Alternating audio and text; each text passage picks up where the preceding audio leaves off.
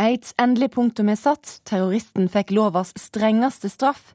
Han burde fått dødsstraff, mener mannen som egentlig skulle ha dømt han. Jeg gleder meg til å glemme han, sier Utøya-overlevende. Og tusenvis sitter seg akkurat nå gjennom Birkebeinerrittet. Det var mer strevsomt å gifte seg enn å sykle Birken, sier mannen som gjorde begge deler på samme dag. Velkommen til denne podkasten av eh, NRK Ukeslutt. Jeg heter Sara Victoria Rygg, og vi starter sendinga med terrordommen. Da fikk vi det sånn som vi ønska det. Rettferdighet. Det er dette her jeg har håpa på. At han må ta ansvar for de handlingene han har gjort. Gudskjelov. Det, det, var godt. For meg personlig så er det et, et punktum nå, og jeg er ferdig med, med gjerningsmannen nå. Endelig har dommen kommet. At han òg får sin straff som han har fortjent. Nå kan vi etterlatte begynne å gå litt videre i livet. Endelig kunne de pårørende etter 22. juli-terroren sette et endelig punktum. Terroristen fikk den strengeste straffa som er mulig å få i Norge, 21 års forvaring med ei minstetid på ti år. Torunn Kanutte Husvik, du overlevde dramaet på Utøya, og gjennom hele rettssaka så har du levert eh, til oss her i Ukeslutt eh, ei lyddagbok, sånn at lytterne har fått tatt del i hvordan du har opplevd denne rettssaka. Hvordan var det i går å sette et endelig punktum? Jeg jeg ble letta. Og i dag så er jeg litt tom. Eh, det er som en stor bør er tatt av skuldrene mine.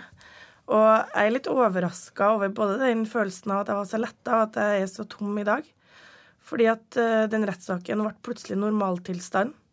Eh, jeg brukte tre måneder pluss noen andre dager på det her. Og, og det er jo ikke normalt, selv om det har føltes sånn. Og nå venter hverdagen, og jeg har aldri gleda meg til hverdagen så mye som nå. Mm. Hvordan blir hverdagen nå, da? Hverdagen blir å komme seg ordentlig tilbake i jobb. Eh, Sjøl om jeg har vært på jobb, så har hodet vært andre steder. Så har tydeligvis kroppen og hodet vært i en rettssal. Så har vi vært på andre arrangementer. Og nå begynner, begynner den ekte hverdagen, hvor det er kun det å komme seg på jobb kun det å komme seg på et møte, eller ut og møte venner, eller eh, komme seg på kino, som hverdagen består av. Og jeg tror det skal bli utrolig godt. Jeg tror jeg har tatt inn hverdagen veldig for gitt før. Og nå, eh, nå blir det plutselig noe litt mer forlokkende. Men hvordan går en videre etter dette her? Folk har uh, veldig mange forskjellige måter å løse, løse, utfordringene sine på, så jeg kan jo bare snakke for min egen del. Uh, jeg, har, uh, er en sånn som går veldig opp i ting. Um, de som kjenner meg, vet at jeg er veldig opptatt av informasjon, av detaljer. Og da er det naturlig at noe sånt som rettssaken tar veldig mye tid og fokus. Så bare det å få tilbake litt mer av konsentrasjon, få tilbake mer av fokuset mitt, ha tid til dem jeg bryr meg om, og ikke bare sitte og trykke på telefonen min eller tenke på andre ting, være et annet sted. Mm. Den tilstedeværelsen håper jeg at jeg får tilbake, og det tror jeg kanskje mange andre håper at jeg får òg. Mm. Du leverte lyddagbok til ukeslutt eh, gjennom hele rettssaka. Vi skal nå høre et lite kutt av hva du sa en av de første dagene av rettssaka. Jeg har satt meg ned og tenkt gjennom om jeg virkelig vil litt, om jeg har et behov for å gå. Det er jo uansett ikke lett å høre at noen sitter og sier at det eneste de ikke angrer på, at de ikke gikk lenger. At de ikke fikk tatt livet av meg og dem som ble igjen også. Var det rett eh, for deg å følge rettssaker så veldig tett? Ja, det var det. Men jeg har veldig stor forståelse for at vi har valgt helt uh, ulike tilnærminger. Og det har jo vært sånn at livet da har vært litt i limbo. Men for meg så har det vært riktig. Og det handler jo for meg både om de detaljene og den informasjonen som jeg er så opptatt av å få med meg. For meg så har det vært den eneste muligheten jeg følte jeg hadde til å få alle puslespillbrikkene til å felle på plass. Det gjør ingenting med grunntonen, med sorgen, med tomheten, men det gjør noe med, med det å prøve å forstå. Og for meg så har det å prøve å forstå vært en viktig del av det å komme seg videre. Mm. Men det å være i retten har også for meg vært min måte å, å ta et oppgjør med gjerningsmannen. Det å se at jeg greier å være i nærheten av en. Det at jeg greier å være stille. Det at jeg greier å holde kontroll på meg sjøl. Det at jeg greier å gå ut derfra og ikke føle meg veldig utrygg etterpå, har vært et steg videre. Mm. Og det å være der har også vært min måte å støtte dem som er plukka ut og vitne på. det er lite vi kan gjøre for dem. De har gjort en helt fabelaktig innsats. Men bare det å være der, gi dem et klapp på skuldra og støtte dem underveis, har eh, også vært viktig for meg. Mm. Og i går eh, fikk gjerningsmannen dommen. Hvordan eh, reagerte du på den dommen? Jeg hadde først forberedt meg på at og prøvde å overbevise meg selv om at jeg ikke var så opptatt av hva resultatet ble. At det var litt likegyldig for meg om var, ble kjent tilregnelig eller utilregnelig. Men det viste seg at jeg prøvde å lure meg sjøl. For den følelsen jeg fikk når de først leste opp slutninga, var at jeg ble så utrolig letta. Jeg ble Jeg vil ikke si jeg ble glad, men litt sånn litt sånn lettere stemt. Og jeg var også veldig glad for at de var enstemmige. At jeg følte at nå blir det ikke noe større diskusjoner om det her er riktig eller ikke. Og når det da utover dagen ble mer klart at gjerningsmannen sjøl ikke ønska å anke, og når jeg til slutt da fikk beskjed om at aktoratet ikke anker, så er det som at jeg endelig har fått lukka et kapittel av en ekstremt lang bok. Og det kapittelet er godt å legge bak seg. Men det er jo noen som frykter at kapittelet ikke helt er, er lukka. At, at, det er en fare for at han kommer ut igjen. Det er en teoretisk sjanse for at han kommer ut igjen. Hva, hva tenker du om det? Altså, Der er det jo forskjellige ting. Det ene her er rettsoppgjøret. Rettsoppgjøret er over. Og så er det en pedagogisk øvelse eh, vi står framfor, å forklare hva denne dommen betyr. Eh, og der ser jeg at det er folk som er bekymra for hva det har å si. Men han er dømt til 21 års fengsel og forvaring. Og forvaringa eh, blir oppsummert veldig godt eh, i dommen om hvorfor. For forvaring er noe du får hvis det er fare for gjentagelse. Og dommer Lyng sa det veldig godt, at, eh, at eh, gjerningsmannen han er mot demokratiet vi lever i. Det er det han vil til livs. Det demokratiet vil fortsatt bestå når hans soningstid er over. Og det mangfoldige samfunnet vil også bestå. Med andre ord vil gjentagelsesfaren alltid være der, og vi slipper å se den. Så du tror ikke vi ser han ute igjen? Nei, jeg tror jeg slipper å møte han på gata. Mot, retts, mot slutten av rettssaken sendte du oss et dagbokklipp der du sa at det var vanskelig å forstå hvorfor dette her hadde skjedd. Vi kan høre på hva du sa da. Det er tøft. Uh å høre, høre noen eh, med veldig enkle og innøvde ord fortelle hvorfor de syns det var helt rett og rimelig å drepe mennesker du er glad i. Eh, det tar så veldig mye mer tid for meg å forstå hva som har skjedd og hvorfor, enn det tar for han å forklare det. Eh, og han føler seg litt ferdig med forklaringa si, mens jeg ikke skjønner når jeg skal bli ferdig med å forstå det. Forstår du mer nå? Nei, jeg forstår ikke mer, men jeg har bestemt meg for at jeg ikke er opptatt av å forstå hva gjerningsmannen eh, Hvor han kommer fra, og hvorfor han har gjort som han har gjort. Mm. Uh, og det er sånn at mye av uh, bøkene her får vi lukka, men den sorgen og den fortvilelsen og de stressreaksjonene vil jeg alltid ha med meg. Og de er ikke avhengig av hvordan han reagerer eller ikke. Mm. Nå, nå, skal du nyte hverdagen, sier du. Er du ferdig med gjerningsmannen? Jeg føler at jeg er ferdig med gjerningsmannen.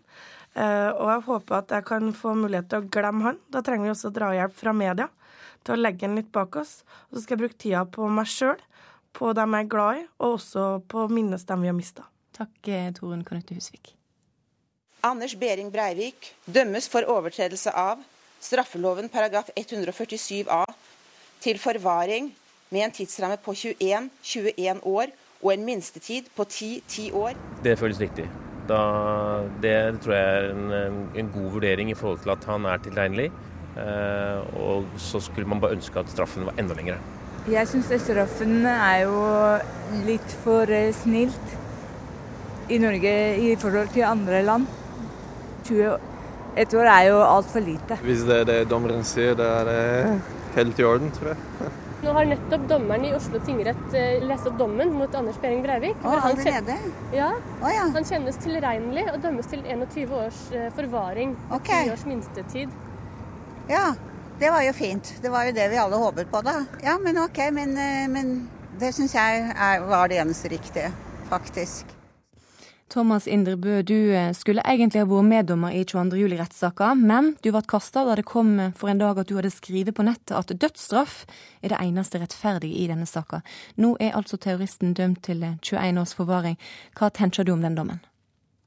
Ja, jeg syns ikke det er rett at noen som dreper såpass mange mennesker, noen gang kan komme ut. Da bør en innføre livstid som livstid, da ikke 21 år som maksstraff. Eh, blir, blir en dømt til livstid i andre land, så er en jo der eh, resten av livet. Og prøveløslatelse bør jo ikke være en, eh, noe heller, da. Du skulle egentlig ha vært meddommer i, i saka. Dersom du hadde blitt sittende, hvordan hadde du dømt terroristen?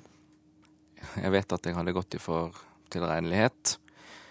Jeg tror ikke Anders Bjerg Breivik er gal. Jeg tror han er like oppegående som de aller fleste rundt oss.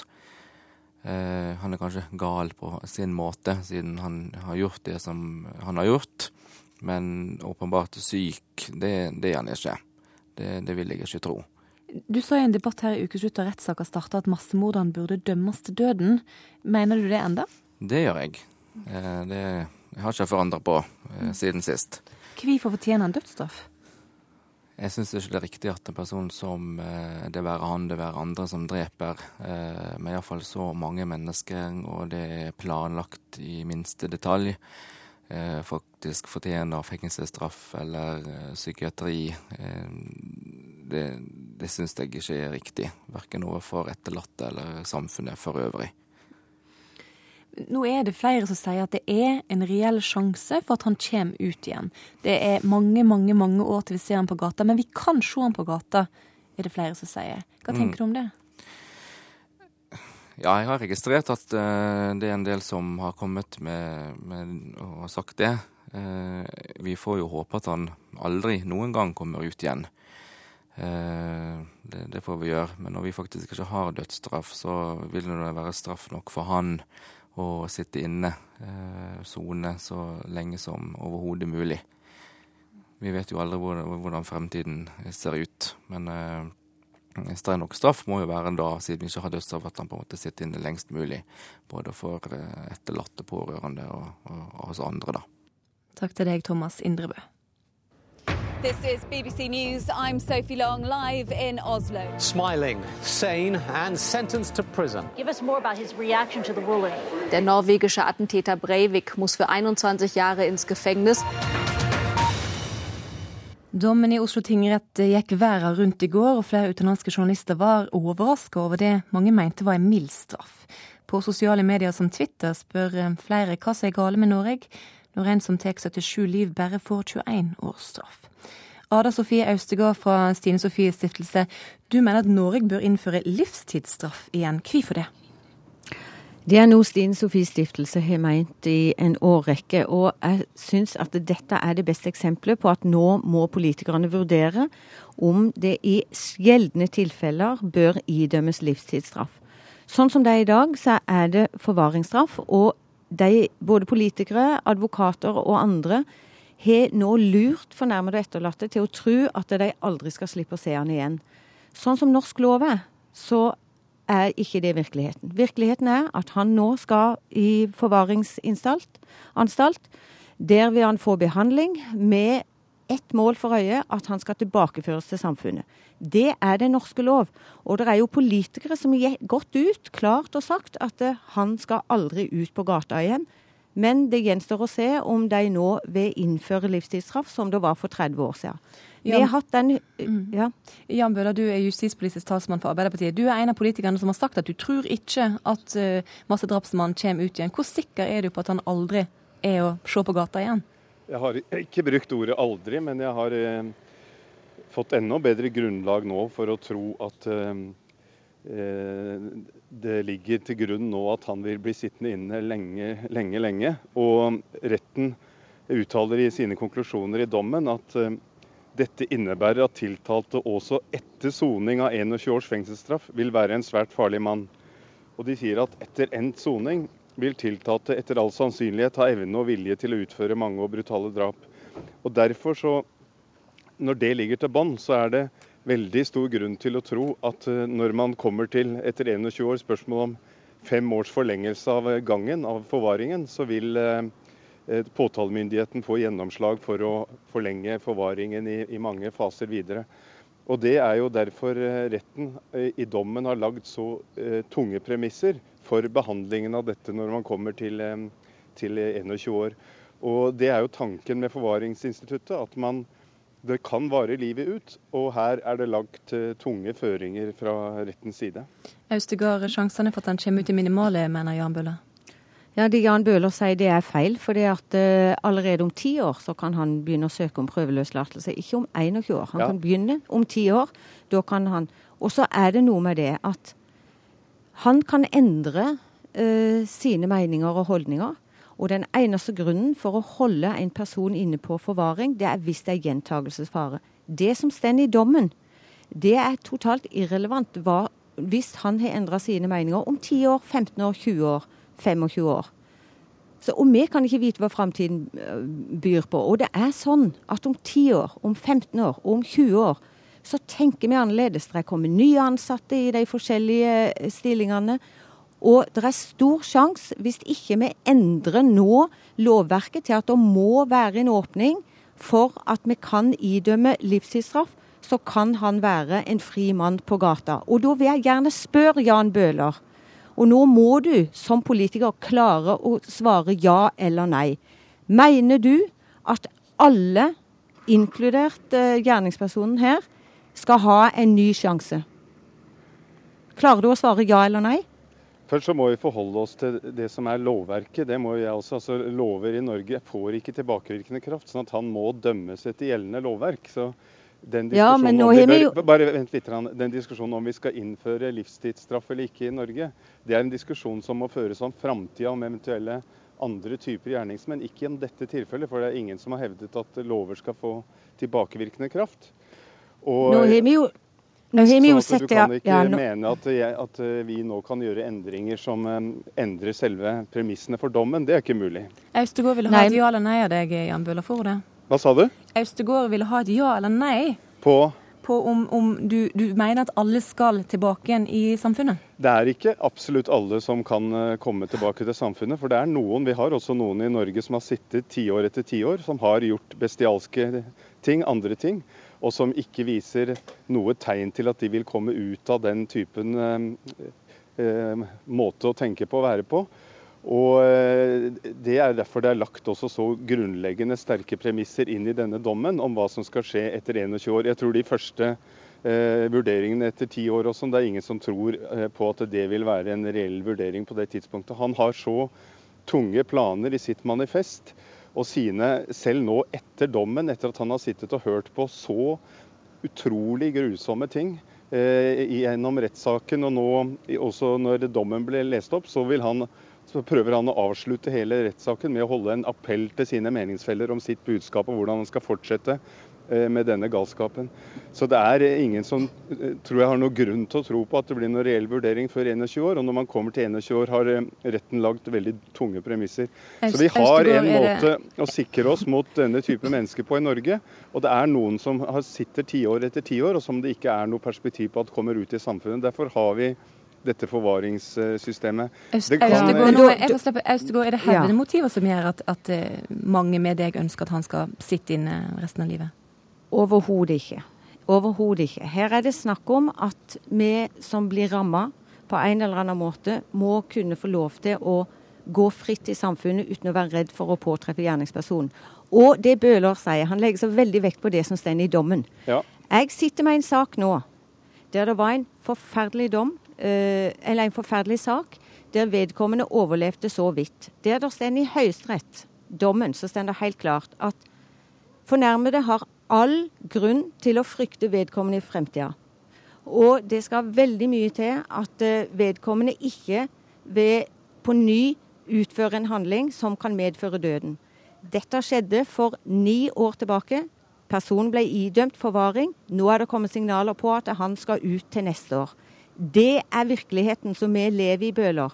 Og nå må dere ta inn over dere og slutte å være så naive og tenke at dette er ikke noe som skjer igjen. Hva om det kommer en ny sånn en stor sak, og vi fortsatt ikke har livstidsstraff? Og jeg reagerer veldig på når du sier at, vi, at loven ikke kan ha tilbakevirkende kraft. Vi så det når det, gjelder, når det er snakk om uh, voldsoffererstatning. Da fikk vi i Stine Sofies stiftelse en høring på at uh, loven skulle ha en tilbakevirkende kraft fra 1.1. 2011, sånn at de som var ramma under 22.07, skulle bli tatt med i i, i vurderinga, og at de kan få en høyere erstatning. Det er òg et grunnleggende prinsipp vi har brutt.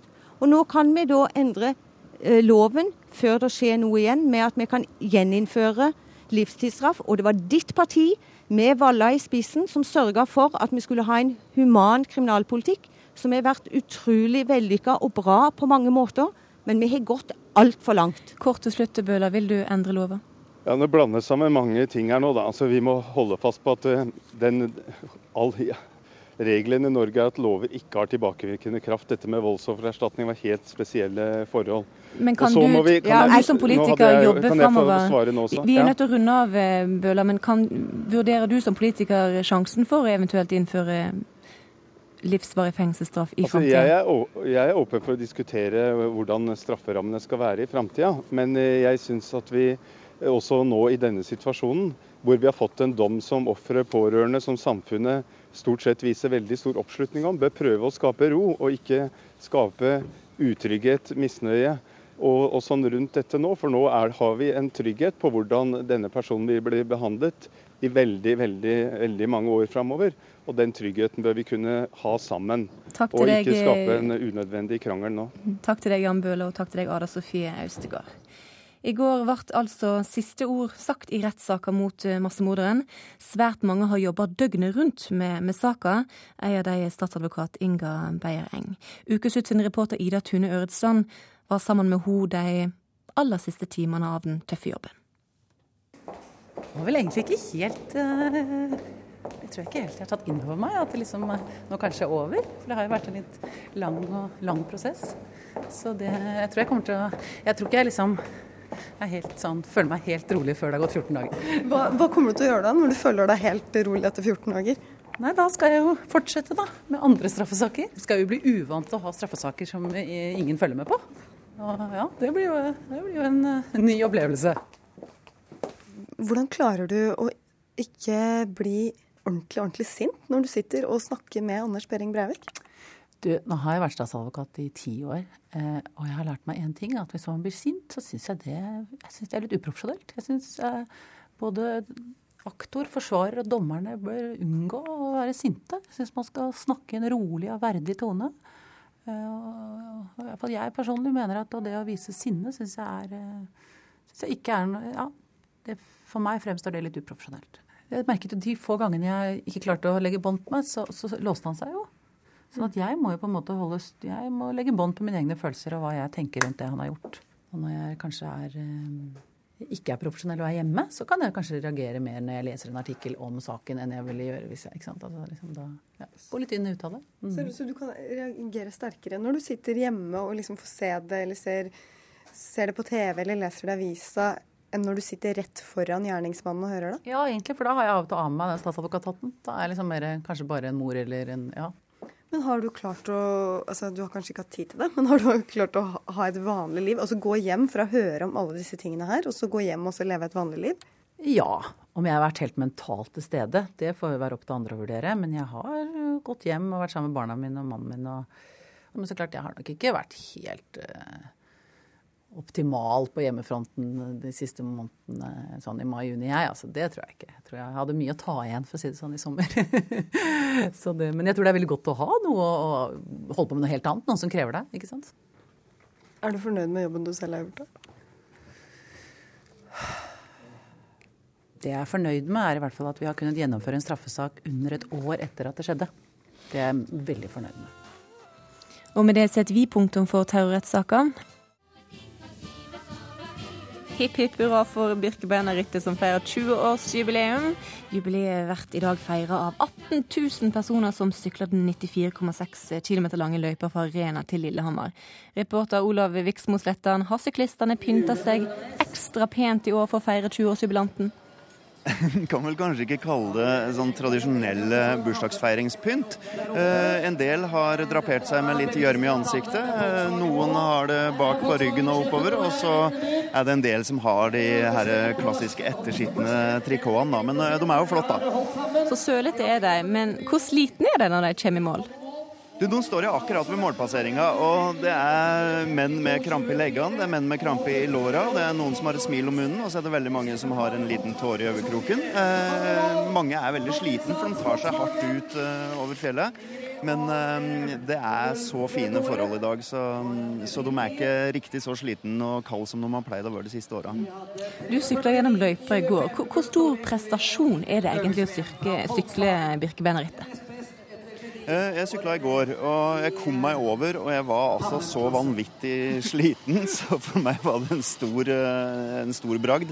Men eh, jeg ser jo her at er noen er store og noen er smale, og de kommer seg over, og de sykler ganske fort. Så jeg må si at nivået på mosjonssyklister i Norge er jo helt Det er, det er høyt, syns jeg. Vi skal til en som ikke er fullt så sliten som du er, Olav Terje Holm. Gratulerer, du har akkurat gjennomført ditt 20. Birkebeinerritt. Tusen takk. Og du har allerede kommet deg tilbake på jobb. Hva i allsen dag, hvordan er det mulig? Nei da, det, det, går bra det. Jeg måtte sykle fort for å rekke arbeid, så det var motivasjon. Og merke nummer 20, selvfølgelig. Mm. Olav kom seg akkurat så vidt over fjellet. Men det høres jo leikende lett ut å sykle Birken når du forteller om det. Hvor sliten var du egentlig når du kom i mål? Nei, jeg var egentlig ikke så veldig sliten. Jeg har, eh, jeg har jo sykla aktivt i mange, mange år, så grunnformen er der. Sjøl om jeg har trent veldig, veldig lite nå i Samar mm. pga. jobbing. Men uh, tar det på rutine. Det hjelper med 20 år. Det er ikke første gang du kombinerer Birken og andre oppgaver på samme dag. For fem år siden så sykla du først Birken, og så dro du rett til ditt eget bryllup. Ja, det stemmer det. Hva i all dag er det for en idé? Nei, det var, det var litt tilfeldigheter. Ja, vi, jeg og fruen vi sjekker med kirkekontoret og tid, tid det var ledig i kirka, og, og noen datoer som passa. Da var 25. august en av de ledige datoene. Og vi tenkte først at ja, men det, det høres jo fint ut, et uh, høstbryllup. Så helt til jeg plutselig kom på at jo, den datoen var det noe kjent med. Så, så sa jeg at ja, du, det er jo Birken den dagen. Og Fikk du tid til å dusje deg, Gjørma, før du kom i kirka? Ja da, det gikk fint. Jeg startet tidlig på morgenen og var i mål litt over klokka ti, og bryllupet var klokka fire, så det gikk fint. Hva var mest slitsomt, å sykle eller gifte seg? Og ja, jeg kan si jeg, Det å gifte seg var jo ikke akkurat så slitsomt, men alle forberedelsene gjorde vel at jeg, jeg har vel egentlig aldri stått på startstreka og tenkt så lite over at jeg skal sykle. Olav Viksmo Sletten, hadde du klart å gifte deg rett etter eh, Birkenrittet? Det hadde vært en veldig motiverende faktor, men jeg er redd for at jeg hadde gått veldig rart eh, ned kjerkegulvet etterpå. Men det er faktisk 44 stykker som feirer bursdagen her i dag. Mm. Takk til deg, Olav Viksmo Slettan, og takk til deg, Terje Holm. Du får ha en fin, fin bryllupsdag og en fortsatt god dag på jobb. Jo, tusen takk. Du hører på en podkast av NRK Ukeslutt, og det er du rett i, for NRK inviterer til nok et Minutt for minutt-program. Fartsopplevelsen er lik null, sier en entusiastisk programsjef. Som å bli slått i hodet med en slegge, svarer Trond Blindheim. Og han er en blomst som biene kommer til å flokke seg rundt, mener Homsepatruljen. De er ikke uroa for framtida til nysingle Stein Erik Hagen. Hvorfor var det nettopp Telemark som endte opp som indrefileten av Norge da nasjonen skulle bygges? Hør Telemarkskanalen minutt for minutt, søndag fra klokka ti på NRK P2. Ja, i morgen kan du altså se og høre Telemarkskanalen i hele 10 timer og 20 minutter her i NRK, både på P2 og i NRK2. Sist NRK satsa på slik treig-TV, var Hurtigruta minutt for minutt, og vi benker oss foran skjermen for å se. Det virker som at eh, omtrent alle i Norge likte programmet, bortsett fra deg, da, Trond Blindheim. Du er rektor på Marknadshøgskolen. Du kalte det hodeløst, platt og intetsigende. Hva sier du nå til at det kommer et uh, nytt minutt for minutt-konsept? ja, Det får vi kalle for sobril radio eller noe sånt. Det har vel samme effekt som en slegge i hodet. og sovner. Jeg kan ikke begripe at folk eh, kan eh, se liksom hva som er interessant og spennende, hvor opplevelsen er. Altså Hvis du skal gå i fem knopp gjennom Telemarkskanalen, så, så det høres det forferdelig kjedelig ut. altså. Du fikk veldig mye kjeft etter sist gang du åpna munnen. Hva, mm. hva, type kjeft fikk du? Nei, Det var kjeft fra folk som kommer fra landsbygden og kanskje langkysten i Norge. Fordi at jeg sa at jeg syns det er veldig rart at eh, folk står og hopper i fjæresteinene fordi at Hurtigruten kommer forbi. Men det er vel antageligvis fordi at vi bor på en plass der som ingen kunne tro at noen kunne bo. Altså at det, det skjer ingenting på sånne steder. Og, og når Hurtigruten kommer, så er det liksom dagens store begivenhet. Og det er et kamera om bord, så går man uh, ut med Janitsjar-orkester. og ja, det blir pølsefest og alt mulig. Og sånn, kanskje det høres blasert ut, men jeg tror ikke folk i Oslo og i Bergen og kanskje i store byer hadde gått mann av huset for å se liksom, Hurtigruten komme tøffende forbi. Ok, Så du fikk kjeft av folk med dialekt, men du ble jo òg drapstrua? Ja, det var sånne som skulle skyte meg i begge knærne neste gang jeg kom til landsbygda og sånt. Men det var jo så mange som ringte. Når jeg skrudde av telefonen, så begynte det å ringe konen min telefon og skulle fortelle henne hva slags drittsekk hun var gift med og sånt. da. Så det var egentlig altså det var, det var utrolig engasjement det utløste. Det er sosiologisk sett spennende fenomen for meg. da. Mm. Rune Møklebust, du er programsjef i NRK. Hurtigruta minutt for minutt, laksefiske minutt for minutt. Nå får vi se Telemarkskanalen minutt for minutt. NRK.no har til og med vist skjærefødsel minutt for minutt. Mm. Hvorfor satser NRK så sterkt på sånn sakte TV? Nei, altså det, jo, det, har jo for så vidt ikke vært Det har jo ikke vært eh, så veldig planlagt uh, at dette her skulle tas så av som det har gjort. da. Så Det begynte jo med Bergensbanen, som, som var en litt sånn rar idé som uh, ja, egentlig ikke har lignet på en sånn nachspiel-idé. Uh, så så dør dagen etterpå. Vil si aldri blir tatt videre. Så blir den liksom, den overlevd alle disse kritiske fasene. Og så eh, var det jo 1,2 millioner som var innom togturen. Og så har vi jo på en måte bare tatt dette videre i dag, at det er et eller annet i det å være med på en reise. Det er et eller annet i det at det går så sakte. Det at det er så motsatt av alt annet på TV. Altså det er mange jeg tror det er mange grunner til at, uh, mange forskjellige grunner til at folk syns dette er fascinerende. Men det at det er annerledes i seg sjøl, at det står så ut i forhold til alt annet som er på TV. Det tror jeg liksom, det, det, er, en, det er, en, magnet der òg. Men dette er jo som en slegge i hodet, sier eh, Trond Lindheim. ja, det kan godt, godt hende det er derfor mange. Men denne gangen kan jeg iallfall si at de som ser på dette, og de som hører på dette, de bruker ikke tiden sin. De dreper tiden sin med underholdningskonsum. Det er iallfall sikkert. Hva får vi se i morgen, da, bortsett fra folk som uh, har pynta seg og, og, og gleder seg? Nei, Det er jo for, det første en, en uh, fantastisk reise fra kyst til fjell. Eh, gjennom trange, trange, passasjer, trange stryk og gjennom sluser og uh, åpne innsjøer. Så det er et veldig flott og magisk landskap. i et, altså Telemark er jo et slags Norge i miniatyr. Så, um, og variert vær ser det ut som det kommer til å bli. Uh, så um, det kommer nok til å bli en, det er en veldig fin reise. Og det sier jo alle som har, uh, som har tatt den turen. Som er en litt sånn skjult skatt, kanskje. Det er ikke alle som uh, Hurtigrute og Bergensbane. Disse her er nok reiser som er mer kjent enn Telemarkskanalen. Men den reisen skal du ikke være med på, Trond Bline? Altså, folk får se hva de vil for min del. Altså, jeg ser ikke på det. for det jeg tror at ethvert samfunn har en viss prosent med TV-idioter. Og eh, seertallet på sånne programmer det sier liksom hvor mange sånne det er. altså At de klarer å sitte og se på dette minutt for minutt. Det er altså ja, det er en idrettsmanøver større enn uh, en birkebeineren, spør du meg. det, er jo, det, er jo, på en måte, det er jo en måte å fortelle en historie på, og det skal vi gjøre, på, um, gjøre i morgen òg. Altså, men en veldig lang måte, da. Men, altså, Langsom historie. veldig lang måte. Det var en i Aftenposten som sa det ganske bra, at uh, dette går så langsomt at Bergensbanen og Hurtigruta blir actionfull TV til sammenligning. Den går i ca. fem knop. Og da, Den går jo fra Skien til Dalen, så den går jo mot strøm. Så den visuelle fartsopplevelsen blir jo enda mindre enn fem knop. Og det tror jeg det er noe Men er noe. jeg har en god programidé. Jeg skal male en vegg på søndag ja. på arbeidsrommet mitt. Så du kan jo komme og så filme den sånn tørke minutt for minutt. Det står på da malespannen at den skal tørke på fire timer. Ja. Nå skal jeg ta et strøk til. Og Da kan du være med på både grunningen og malingen og alt mulig, så vi kan se det tørke. Ja, men da tror jeg kanskje heller ville valgt oljemaling, for den tar, den tar litt lengre tid på male, nei, å, å tørke. Så det er ja. kanskje enda bedre TV. Supert. Jeg noterer.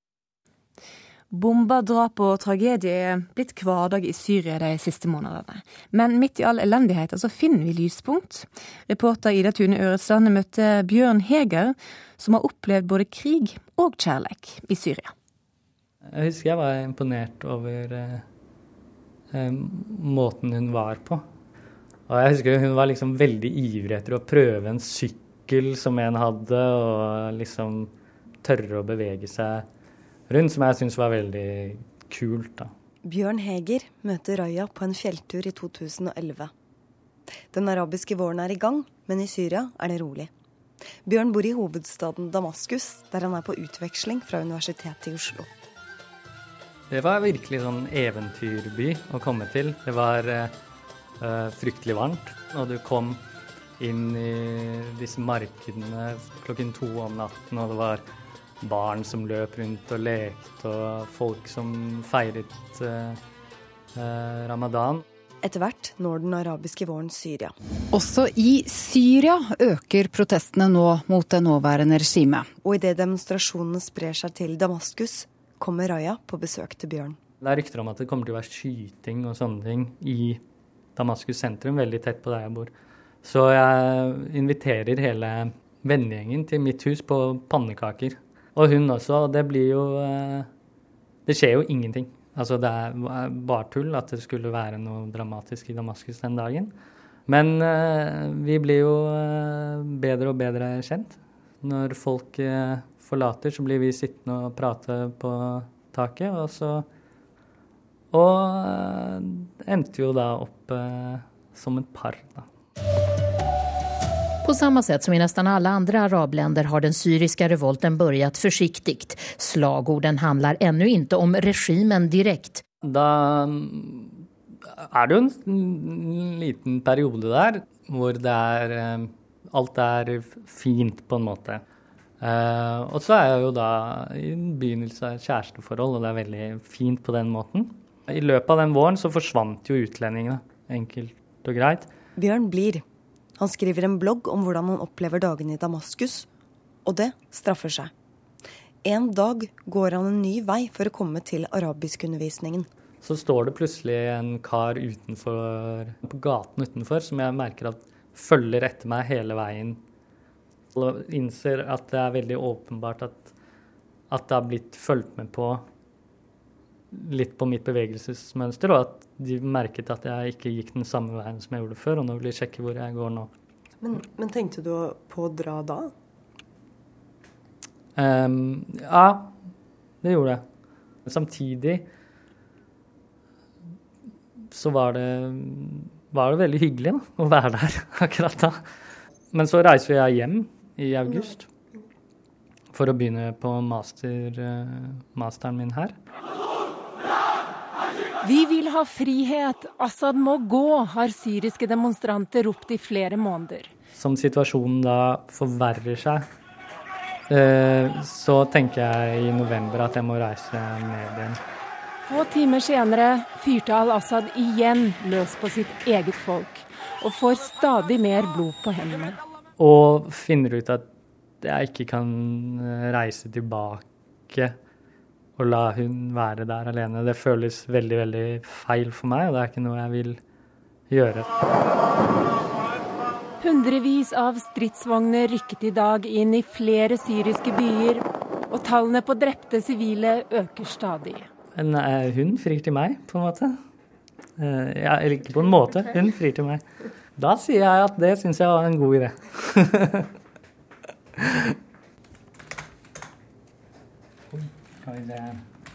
Her er frie, vårt bilde av friemålet. Hun sitter på kne, og jeg, jeg, holder en ring opp, og jeg jubler. Uh, her er bryllupet. Jeg tror kanskje det er 9. mars ja, vi gifter oss. I da Damaskus, eh, rettssalen i Damaskus. Så da, blir vi da giftet med vitner som er det hemmelige politiet, da. Som jo er litt morsomt. Uh, og løper da ut på gaten og kjøper en liten sånn uh, arabisk uh, søt kaketing. som vi tar med inn igjen og spiser da med dommeren og disse hemmelige politimennene. Og feirer på den måten. Og så er det hjem og egentlig bare kollaps av utslitthet. To dager etter at Raja og Bjørn gifter seg, går denne reportasjen på Dagsrevyen. Det er Mohammed som opplevde at fetteren ble skutt. Det er den tiårige jenta hvis far ble såret av en granat. Alle disse barna har måttet flykte fra Syria. Da er det vanskelig å være i Syria, rett og slett. Men er det sånn at dere på noe tidspunkt vurderer at du skal dra og hun skal bli? Nei. Jeg kan ikke reise så lenge hun er i Syria. Demonstrantene blir hissigere. Det blir regjeringen også. Fredelige demonstrasjoner blir til kamper, kamper blir til krig og grusomheter. Du hører bomber fallende, du ser lyset fra bomber som treffer. Vi advarer om sterke bilder i denne reportasjen. Rene henrettelser er blitt en del av krigen i Syria nå. Du hører maskingevær veldig tett til tider. Vi bestemmer oss for at eh, nå drar vi, på en måte. For tre uker siden forlater Bjørn og Raja Syria. Jeg ser jo hun prøve å pakke liksom 15 eh, år da, i Syria ned i liksom en sånn 20 kilos koffert med håndbagasje. Fordi hun er iraker, får hun ikke komme til Norge. Sammen reiser de to til Tyrkia. Fra Tyrkia reiser Bjørn til Norge for å fullføre studiet. Hi, Amri. How's life? Uh, yesterday was fine until like uh, going, going to go to sleep. I I felt a bit blue. I miss you, Yaraliv. I miss you too. I hope to see you soon.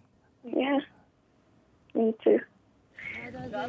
Lyden av syrere på flukt fra krigens redsler. Ifølge nyhetsbyråene fortsetter strømmen av flyktninger over grensen til nabolandene. Sammenlignet med hvor mye liv og lyd det var i Damaskus første gang, så er det helt sånn utrolig stille. Og vanlige mennesker eh, er ikke der.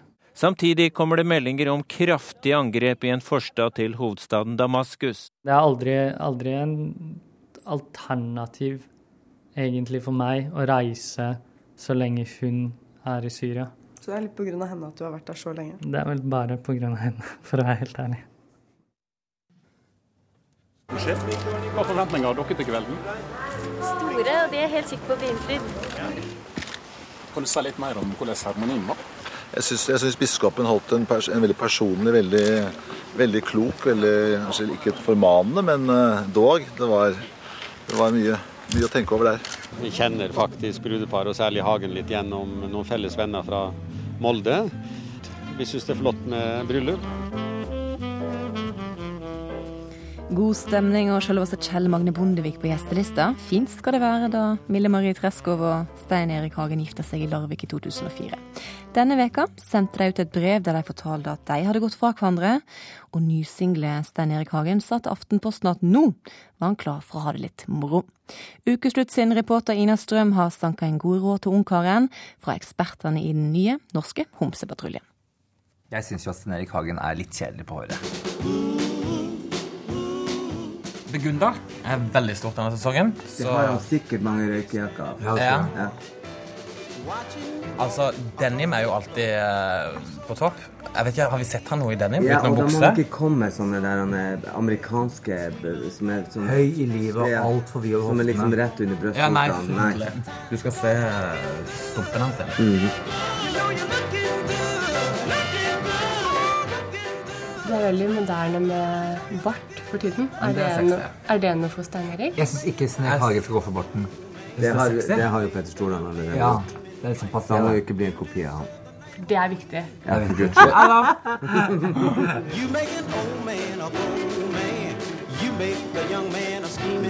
Og så kan en sånn typisk businessmann, hvis de skal pynte seg litt, så har de på seg skjerf. Kaster det skjerfet. Fordi at de gjør det helt feil med det skjerfet.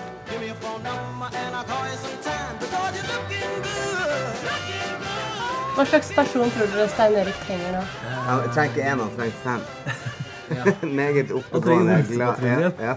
Jeg tror Sten Erik Hagen trenger seg eh, en leket person som kan eh, ja, gi ham noen nye impulser, som ikke nødvendigvis har et godt til Larvik. Ja, og kanskje noen som er litt yngre enn han. Ja, det gjør jo ingenting, det. Så nå har han vært med en hjemgamlende, og det syns han var litt kjedelig, så nå kanskje han skal gå hakket ned. Han er en leken gæren fyr som kanskje har lyst på litt mer gøy og moro fremover. Få litt mer skumfest!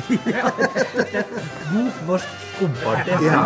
Han er jo rim i Hagen, men jeg tror ikke han er rim. Han har solgt rim i Hagen. Tror også han sikkert kan imponere med en ganske grei date eh, på godset sitt med Eller kanskje ikke på godset, for det er kanskje Mille som har, men oppe på fjellhytta si. Med liksom en deilig vinsamling og, Og sikkert helt, helt grei mat, for å si det sånn. Ja, jeg tror at når han bjuder på, så er det Ja, jeg tror det. egenskutt eh, Du er ikke noe Fjordlandskjøkken der i går? Nei, det sånn. jeg tror det er mye, mye antilope, og jeg tror han har fangst i hele verden, tenker jeg. Ingen fare for at han blir noen sånn stusslig ungkar som eh, sitter der oppe og gnasser på en Grandiosa og, og kjeder seg.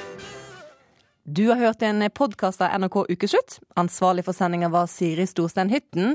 Finn Lie styrte teknikken, og jeg heter Sara Victoria Rygg.